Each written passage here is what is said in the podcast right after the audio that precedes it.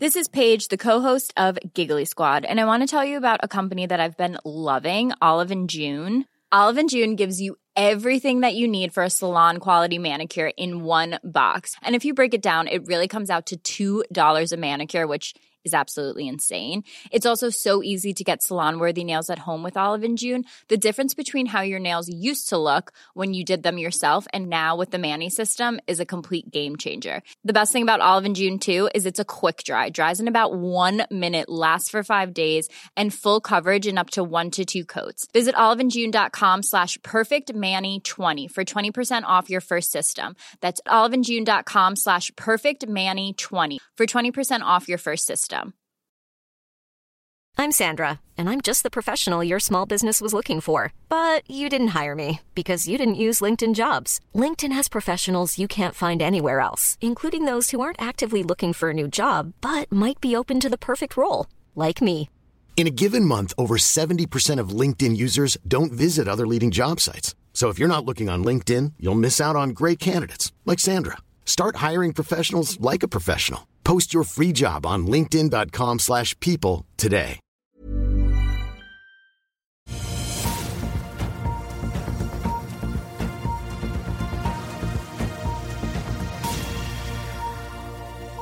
Velkommen til siste børsmorgen før sommeren her hos Finansavisen. Mitt navn er Marius Mørk Larsen, og med meg har jeg aksjekommentator Karl Johan Molnes. Robert Ness han venter i bakgrunnen, men først. Europeiske futures faller rundt 0,5% i dag, og brentoljen handles til 73,3 dollar fatet, som er rundt 1,8 dollar fatet lavere enn da Oslo Børs stengte i går. Fredagens foreløpig største nyhet er at Vår Energi kjøper den norske virksomheten til Neptune Energy for 2,275 milliarder dollar. Neptune Norge har andeler i tolv felt og produserer 67 000 fat oljeekvivalenter om dagen. Altså derav mest gass. Kronen styrket seg umiddelbart etter gårsdagens dobbeltheving fra Norges Bank fra 11,7 kroner mot euro til 11,55 kroner. Men nå er hele kronestyrkelsen borte. Euroen koster nå 11,75 kroner. Norges Banks sjokkterapi for å redde kronekursen kan få fatale følger for høyt belånte eiendomsselskaper, mener Olav Tjen, som advarer om svenske tilstander. og Mer om det kan du lese på fa.no. Dolphin Drilling kjøper to rigger fra TransOcean for totalt 61,5 millioner dollar og gjør en rettet emisjon til kurs 7 kroner og 50 øre. Aksjen ble sist handlet til 11 kroner og 42 øre. Selskapet vil være EBITDA-positive etter kjøpet. Det sier IR-direktør Ingolf Gillestad til TDN Direkt. Og til slutt Subsea 7. CM Industries, relatert til styreleder Christian Siem i Subsea 7, har torsdag kjøpt 500 000 aksjer i Subsea 7 til kurs 110,89 kroner per aksje. Å eh, ta ta, eller, det, det, store ting å ta tak i, men kanskje vi kan snakke litt om Dolphin? Eller? Ja, Dolphin er jo, De burde jo nå endre navn til Vintage Drillers. Det er jo tre gamle rigger, så kjøper de to uh, rigger til. Så det er jo nesten en sixpack. En til nå, så er det sixpack Vintage Drillers. Uh, men det er godt gjort å hente inn 60 millioner dollar når du har en markedsverdi liksom på bare 1,4 milliarder kroner. Så det er jo, men Alt her er jo egenkapital. Det, det er jo fullstendig egenkapital kapitalkjøp. Og, og de har hatt fem meglere da, for en så liten transaksjon som på, 50, på 60 millioner dollar. Og så har de klart å få emisjonskursen feil. Da Først gikk det ut pressemelding på at det var fixed price 8,50, og så ender det på 7,50. Så i går kveld har det sikkert vært utrolig mye banning eh, hos veldig mange forskjellige folk. For det, det der skjer ikke ofte, altså. At det blir sendt ut pressemelding med feil kurs, og så blir det billigere. Så 7,50 før 11,40. Kursmålene ligger mellom 20 og 24 kroner. EBITDA-estimatet eh, for 2023 er minus 2 millioner dollar. og eh, det, det høres jo ikke helt betryggende ut når første guidingen du får at det skal bare bli EBITDA positive. Du må jo tjene penger på dette her. Så eh, Vintage drillers de har en vei å gå. og Dette er ikke noe, dette er for spesielt interesserte. altså. Det er ikke noe sånn pengemaskin, dette her. Hvorfor gjør man det her, da? Nei, det må du spørre de som De håper jo på at det skal bli boom, da. Men dette er ikke boom, altså. Det er og så eh, Ja, det virker som at det, de konsoliderer og gamle rigger og satser på at det skal gi jackpot, da. Men det gjør det ikke med, på kort sikt. Hva tenker du om prisen på drillene? Ja. Nei, Det vet jeg ikke. Det, det, er sikkert eh, det er forhandla pris mellom to parter, og uh, det er oppgjort med, med, med en kapital der prisen er det er, det er sikkert ingenting å si på. Men problemet er jo lønnsomheten. At du har disse fem riggene, og liksom først du guider med at du skal bli EBITDA positiv. Du må jo tjene penger på dette. Mm. Og, og EBITDA positiv er ikke noe godt utgangspunkt. altså det, da, Minus 12 millioner dollar i estimat for 2024, 2023. og Der er jo alltid estimater for at du skal tjene mye penger neste år. Da. Men eh, det er en god del utgifter til streng til sånne her, eh, gamle rigger. Det er mye elektriske kabler, det er mye styr. og De, de tre andre riggene jeg har, er jo de gamle Fred Olsen-riggene med Bideford og Borgland og Blackford Dolphin. Så det er opprinnelig Fred Olsen-selskap, eh, dette. Så mm. gamle, klassiske rigger. Mm. Vi må også snakke litt vår energi, men der kan vi kanskje ta med oss Robert. Ta med Robert, sant? så vi deler, deler på godene. Ja, vi deler på godene. Vi tar en kjapp reklame, og så er vi tilbake med Robert Ness straks. Vil du bli oppdatert på det viktigste som har skjedd innen finans og næringsliv? Da er det bare å følge med, for hver morgen er jeg, Marius Lorentzen og aksjekommentator Karl Johan Malnes på plass i studio for å ta tempen på dagens marked i Børsmorgen. Og hver ettermiddag oppsummerer vi alt du trenger å vite i økonominyhetene, og det blir selvfølgelig masse interessante gjester. Klikk deg inn på fa.no-tv, eller søk opp Børsmorgen og Økonominyhetene der du hører på podkast. Hey, I'm Ryan Reynolds. Recently, I asked Mint Mobile's legal team if big wireless companies are allowed to raise prices due to inflation. They said yes. And then when I asked if raising prices technically violates those onerous two year contracts, they said, What the f are you talking about, you insane Hollywood ass? So to recap, we're cutting the price of Mint Unlimited from $30 a month to just $15 a month. Give it a try at mintmobile.com slash switch. $45 up front for three months plus taxes and fees. Promo for new customers for limited time. Unlimited more than 40 gigabytes per month. Slows. Full terms at mintmobile.com. I'll see you in court. Vi sier det ofte litt på spøk, men for deg som driver business, er det aldri moro å innse at du ikke har laget en 100 gyldig kontrakt. Du bør ikke risikere hele firmaet ditt fordi du synes dette med kontrakter er litt stress. En avtale er ikke en avtale. Du kan miste kunder, miste venner, ja, til og med miste inntekter om du ikke lager en skikkelig kontrakt, på alt mulig, egentlig. Men vi vet det er et styr. Kopimaskiner, tregprinter og haugevis av papir. Dessuten stoler vi jo på folk her i landet. Det er ofte litt kleint å skulle be om en signatur for alt mulig, ja, for mye av styret handler også om jakten på underskriften. Det finnes en enkel måte å løse dette på, Dukkobit, en trygg, effektiv og get this, gratis måte å sikre seg en god natts søvn pluss en juridisk bindende avtale. Dukkobit-appen har de strengeste sikkerhetskrav i bunn, samt en EU-godkjent og sertifisert teknologi. Framover vil det bli behagelig å spørre du, skal vi skrive under på det, eller? Kom i gang på dokobit.no.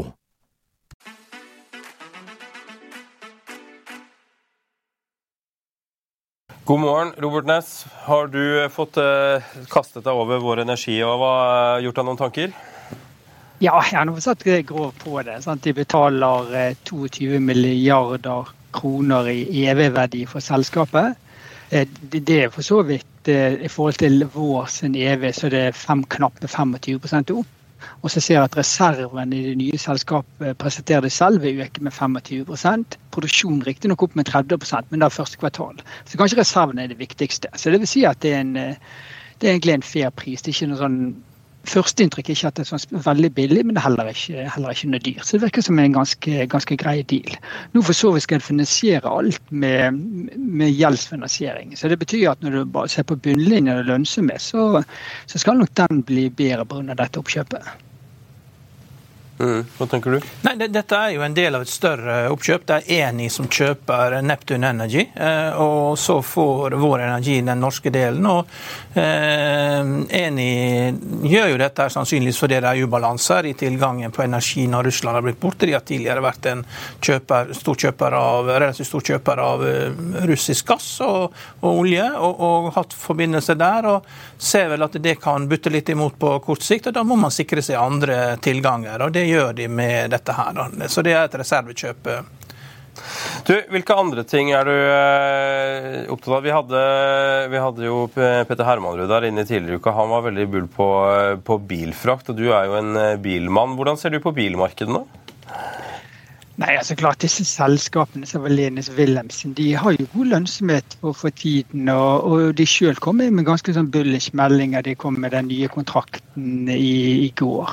Og så er aksjemarkedet litt sånn engstelig fordi det er mye nye bygg. Men selskapene sjøl som Valenius føler seg ganske trygg på det. Så det er litt, det er litt mer åpent. For min del så har jeg kjøpt veldig mye aksjer i, og hatt lenge da, i, i Wilhelmsen Holding. Så rett og slett fordi at aksjekursen der er lav i forhold til underliggende verdier.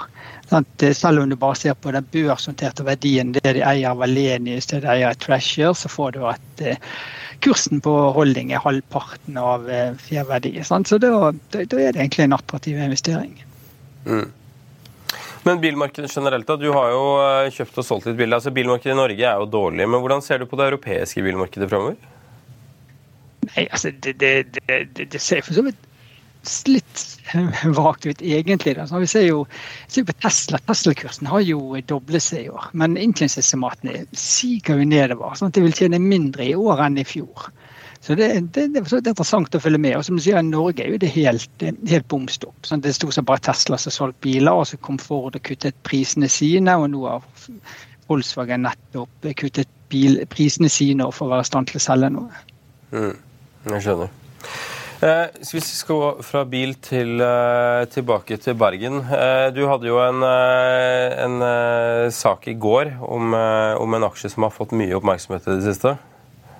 Ja, det er Bergen Bio. De har dette legemiddelet sitt, bensintamin, som de har prøvd å, å få godkjent. Og så har de gjort noen studier som har vært sånn OK, det ser greit ut, det ser lovende ut, men det har ikke vært store nok til å kunne kommersialisere det. Så nå skal de endelig gjøre det. De skal gjøre en stor undersøkelse, det vil koste 250 mill., og da trengte de hente inn penger.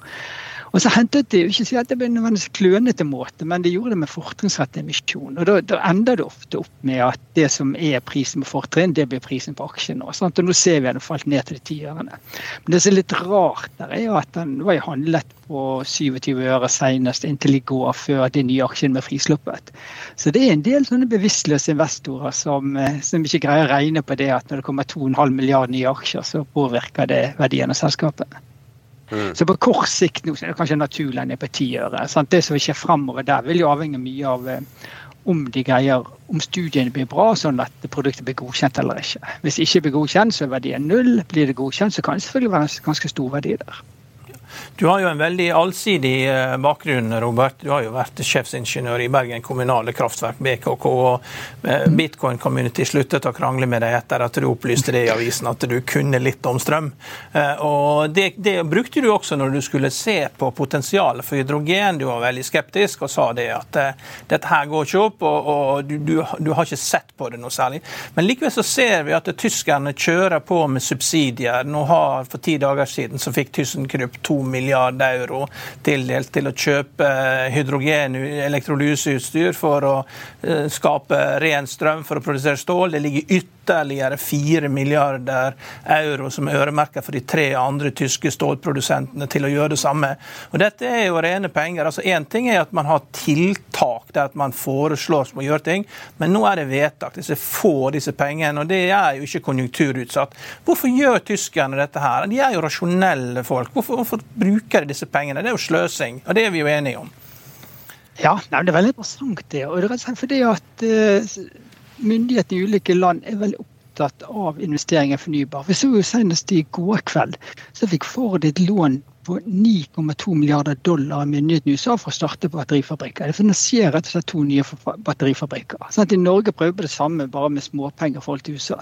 Og Det Europa ser, er at uh, Inflation Act, hvor det pøser ut penger til bedrifter i USA, så skjer alle investeringene i USA hvis ikke man gjør det samme i Europa. Så Derfor er liksom Europa kommet etter oss og deler, deler ut penger. Sånn at I hydrogen nå, sånn tidligere så har det vært mye i, i semikonduktor.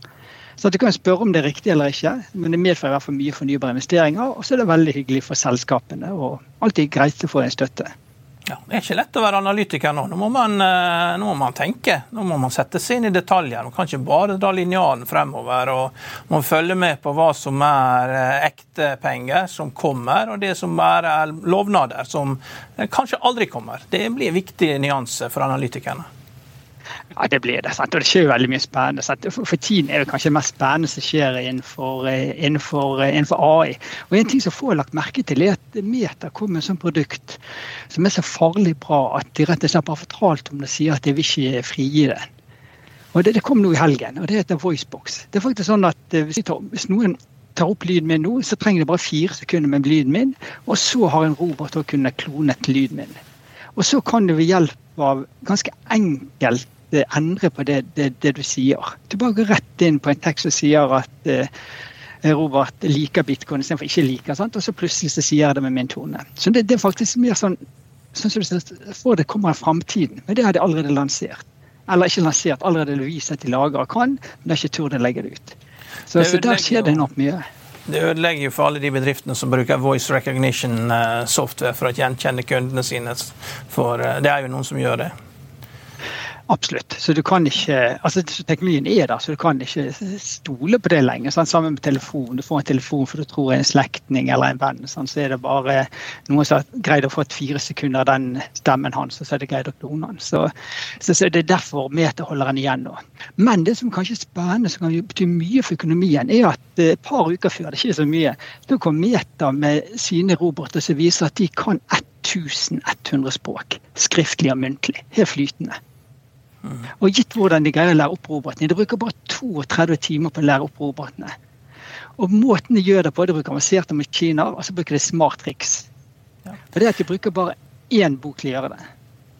Men det er godt at vi har disse nye teknologiene nå når, vi, eh, nå når renten er på vei opp i USA og vi er på vei inn i nedgangskonjunktur i, eh, i, eh, Norge. Så det er jo greit at det er ting som kan forbedre produktiviteten og øke lønnsomheten hvis det er mangel på arbeidskraft og press på lønninger. Så det er, men så hva, hva synes du om det økonomiske bildet vi nå har foran oss? Her ser du at renten i USA er fortsatt på vei opp? Ja, det, det, det, er sant? ganske høye, de, de, lange, de lange, rentene. Sant? Og det er vel et par år til før de begynner å kutte styringsrentene. Sant? Noe som markedet på stund siden er håpskallet ikke i slutten av dette året. Og Vi ser jo også i Norge sant? de treårsrenten steg oppover i går. De kortere rentene kommer opp. Så ja, vi er på langt ned ferdig med, med, med høye renter. Så det er jo klart negativt for, for finansmarkedene. Jeg tenkte på en ting, fordi Nå snakka vi jo litt inn på AI, og det er det alle har snakket om kanskje de siste tre til seks månedene. Men før det så var det alle snakket om, var krypto. Og krypto har jo Der var jo du en, en motstemme lenge. Mm. Men mm. hva tenker du, om, Har krypto noen fremtid lenger? Er det, altså, hva, hva, er status på, på krypto uh, i et litt sånn bredere bilde nå? Altså Status er jo at kursutviklingen var positiv i år. Eh, så det som skjedde i USA, så har de virkelig jaget vekk krypto. De har gjort eh, det meste handel krypto ulovlig. De holdt unna bitcoin og ethereum med alt det andre de kaller for securities, sånn at eh, amerikanske bitcoin-børser som Coinbase de kan i praksis ikke handle med det. Så de har, SSC har en sånn agenda hvor de vil, hvor de vil bekvitte meste, og de kjører ganske hardt på. De bankene som har fasilitert vekslinger i en krypto, de også blitt tatt ganske hardt. Så egentlig USA er i ferd med å rydde opp. Men det som er, som er interessant, det er jo eh, hvis vi ser bort fra de aller, aller fleste kryptoene blir sittende igjen med bitcoin, så der holder det på å skje noe. Altså BlackRock, som verdens største kapitalforvalter, de har vært ute og sier at de har lyst til å lage en bitcoin-ETF. Tidligere har myndighetene i USA sagt absolutt nei til ETF-er i bitcoin. Og nå har, har de, de søkt om det. og Vel, BlackRock får jo det ofte som de vil. Så, der, så det er det som har gitt oppgangen i det siste. Troen på at kanskje de får til eh, å lage en ETF. Okay. Men så er det på underliggende virksomhet, så har ikke det skjedd noe mer. Det, det, er jo ikke, det er ikke mye du kan bruke bitcoin til som, eh, som ikke du har kunnet fra før. Sant? Du kan ikke sammenligne med AI, hvor du har masse bruksmuligheter.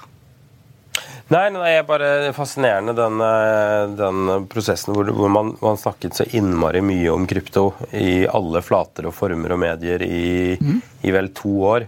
Og så har det så å si vært, vært ganske stille det siste halvåret. Eh, ja. Så har jo AI på mange måter tatt det spacet som den krypto hadde når man var i forhold til hva man diskuterte om fremtiden. Da. Jeg sier ikke at det er mm. sammenlignbare entiteter i det hele tatt. Nei, men det hører på en del sånn daglige podkaster. Da er det en som har bare sluttet med bitcoin og omdannet den til AI-podkast. Så det er nok en viss tendens der. Sant? Mange som er opptatt av det nye spennende. så de, Mange av de gitt litt opp eh, krypto og selv gått til AI, hvor det skjer, skjer, veldig mye mer ting. Og så har det vært uh, lite spenning som skjer i USA. For så vidt litt spennende. Sant? USA prøver å jage vekk verdens største megler, Binance. Sant? De kjører ganske hardt etter dem. Så, og, og de som kollapset i fjor, som Do Kwon og sånn, de er jo i fengsel. Så ja. Det hmm. Det har jo blitt saksøkt, og det, det er jo rykter nå om at det er en, det er en stablecoin som har sprukket, og at det pumpes for å skape likviditet, eh, exit-likviditet for en del eh, investorer. Men alt dette her er jo det mye informasjon om på Twitter uten at man helt skjønner alt som foregår. Men det går jo ofte tilbake til de samme personer. Han Justin Sun og en CJ, det han heter? Eh, CZ, eller? Ja, CZ, ja. I, ja, ja. Og de, ja, og de uh, ja, de er jo jagere, da. Mm. Så. Ja, de er det. Amerikanske myndigheter er egentlig veldig klare. De, de jobber hardt eh, mot, eh, mot krypto. Så, så liksom se for deg at krypto skal bli et effektivt betalingsmiddel. Det, det, er jo mye lengre unna det nå enn det var for noen år siden. Så, så det går feil vei hvis du tenker på anvendelse av krypto. Men det var jo sånn også når de tok knekken på gullmarkedet, var jo å innføre gullfutures. For da, da, er du nødt til å manipulere kursen på alle mulige data framover. Og da tok du knekken på det. Hvis du bare har én spotkurs, så alt du trengte å gjøre, var jo å manipulere bare den kursen. Men med en gang du innfører tillatelse på futures, så Og det var vel det man gjorde med bitcoin, også tok hull på den første bobla. Få lov å introdusere futures, kan du shorte. Da oppretter, du store fortjenestesmuligheter med å shorte. og det er jo mulig, det, Folk er jo redd for at Bitcoins, eh, nei, BlackRocks ETF skal gi enorme muligheter til å shorte, og at du da kan shorte den ned til null, liksom. Som det egentlig som er intrinsic mm. value. Ja, det er jo interessant. som du sier der, sant? Jeg har tenkt litt på det at det kan være en av grunnene til de gjør det. Men i bitcoin-communityen så tenker de bare at dette er starten på at alle skal kjøpe og gå long, eh, gå long bitcoin.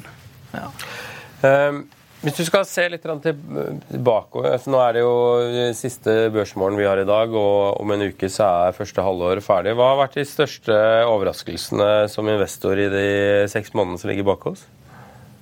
Nei, så glad Oslo Børs har vært uh, uvanlig svak avkastning. Sant? Uh, tar du norske kroner, så global indeks opp 25% Oslo Børs er bare så vidt i pluss. Så vi har levert svak avkastning. Um, det er ikke noe sånn spesielt. Det er så klart Energi har vært den svakeste sektoren globalt, og vi har mye energi, så sånn sett er det naturlig. Teknologi har vært veldig sterk internasjonalt. Vi har lite teknologi, og vi har kanskje veldig lite av den mest spennende teknologi akkurat, akkurat for tiden. Og så har det vært, kanskje det virker som det har vært en landfaktor, og at norske selskap har gjort det litt dårligere enn internasjonale selskap innenfor samme bransje. Men det var i Norge. Hvis du tenker globalt, så har det vært overraskende sterkt. Men du kan jo samtidig gjøre en beregning. SMP 500 opp 15% i år. 15% er uvanlig bra. Men ti aksjer har stått for 13 av de 15 prosentpoengene. Og alle de ti er AI-inspirerte. Så det er egentlig AI som har, eh, som har drevet oppgangen. Utenom AI så hadde vi bare så vidt vært en oppgang i år. Ja, vi, har, vi, har, vi fikk en bank eh, nesten en bank, skikkelig bankkrise i USA ved slutten av første kvartal. Som man brukte andre kvartal til liksom å eh, holde igjen, eh, holde igjen for den, slik at det ikke har sprukket. Så har vi fått en teknologiboble.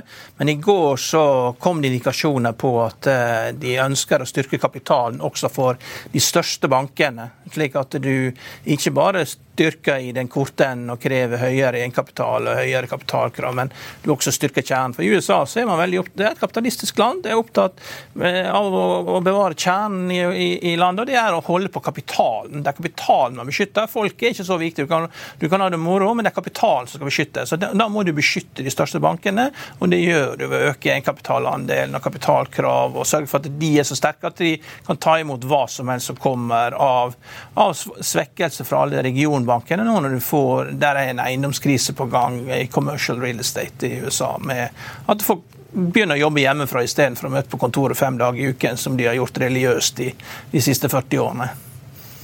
Ja, altså, men det, det, som er interessant, det er Silicon Valley var den første store, sier Konk. Den er nesten tilbake igjen. for, for Før Citizen så kjøpte den den har steget med 150% siden oppkjøpet. Så ser du samlet verdi av før Citizen mot de to bankene like før, så er du nesten tilbake igjen.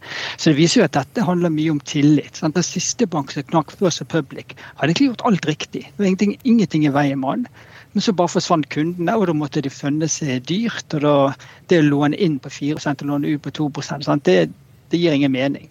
Og dermed knakk de. Så derfor, derfor, er det litt spennende fremover. Så jeg tør ikke investere i amerikansk bank. For du kan plutselig ha en bank som ikke lenger har tillit. Og da hjelper det ikke hvor mye egenkapital de har. For da, da forsvinner kundene, og da da går lønnsomheten vekk, og da, da, da mister de tillit igjen, og så blir de tatt over av myndighetene. Og da var aksjeverdien null. Ja, men, men, man har jo proppa dette her opp med mye kapital. altså Det har blitt tilført 300 milliarder dollar, og av de så 195 eh, milliarder av de dollarene skal tilbakebetales før året er omme. Så her er en likviditetstilstramming som kommer til å komme nå i løpet av andre halvår. Og, ja, endringen i den eh, kan man måle hver eneste dag på Federal Reserve sine sider. Mm, absolutt. Men så er det sånn, sånn så på før som public, så hjalp det ikke med likviditet. De fikk all likviditeten de ville, sant? men de måtte betale for den. Og da, og da, betalte de mer for den enn de fikk på, på, på det de lånte ut. Og da, da gikk ikke det. Hvis du, altså du sier at du ikke vil investere i amerikanske banker. Er det noen andre sektorer du ser på som spennende nå når vi er i en Vi, altså vi er jo et helt annet sånn eh, investeringsbilde nå enn vi var i for et halvt år eller et år siden. Eh, hva er det du som syns, hva syns du ser spennende ut nå? Nei, altså Hvis vi ser på det globale, så er jo altså helse det mye, mye billig i en, i en helse. Sant? Det er to aksjer som er veldig glad i, å heter Signa og CVS i USA. Sant? Vi snakker om ti ganger inntjening på Signa, syv ganger på CVS. Sant? Det er Solide selskap, god vekst og veldig billig. Innenfor tech så er det sånn Cisco som som kursmessig ikke har kommet med i det hele tatt. Den er bare så vidt steget i år. Men de har også kommet med som skipper i NAI, AI, så de tror jeg kan bli litt av, eh, litt av de neste. Og så av de som har steget. Eh, i USA, som meter, så tror jeg fortsatt de kan gå videre selv om de har doblet seg. For de, de, de jo, har utrolig mange fancy produkter som de, har, som de har lansert. Og samtidig ser vi at antall brukere fortsatt stiger på plattformen deres. Så det er ja, en del spennende aksjer der. Mm, veldig bra. Rubenes, tusen takk for at du var med oss i dag. Vi ses garantert over sommeren, og så får du ha en god ferie inntil da. Bare en kjapp oppdatering på at Vår Energi stiger 3% basert på oppkjøpsnyhetene sine på morgenen i dag. Ellers er det ikke de helt store nyhetene. Jo, forresten, Kyoto Group er opp eh, ca. 15% og der er det jo en eh, en sak med Kjetil Bøhn på fa.no som kan være verdt å få med seg. Vi er tilbake med Økonominyhetene i dag klokken 13.30, og det tror jeg er en sending de eh, fleste vil få med seg. Inntil da så kan du se fa.no slash tv for å se sendinger eh, når du vil, eller du kan høre podkast eh, der du hører podkast. Bare søk opp Økonominyhetene eller Børsmål.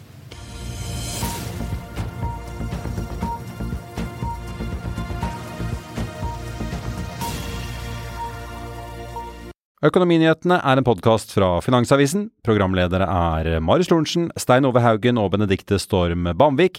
Produsenter er Lars Brenden Skram og Bashar Johar. Og ansvarlig redaktør er Trygve Hegnar.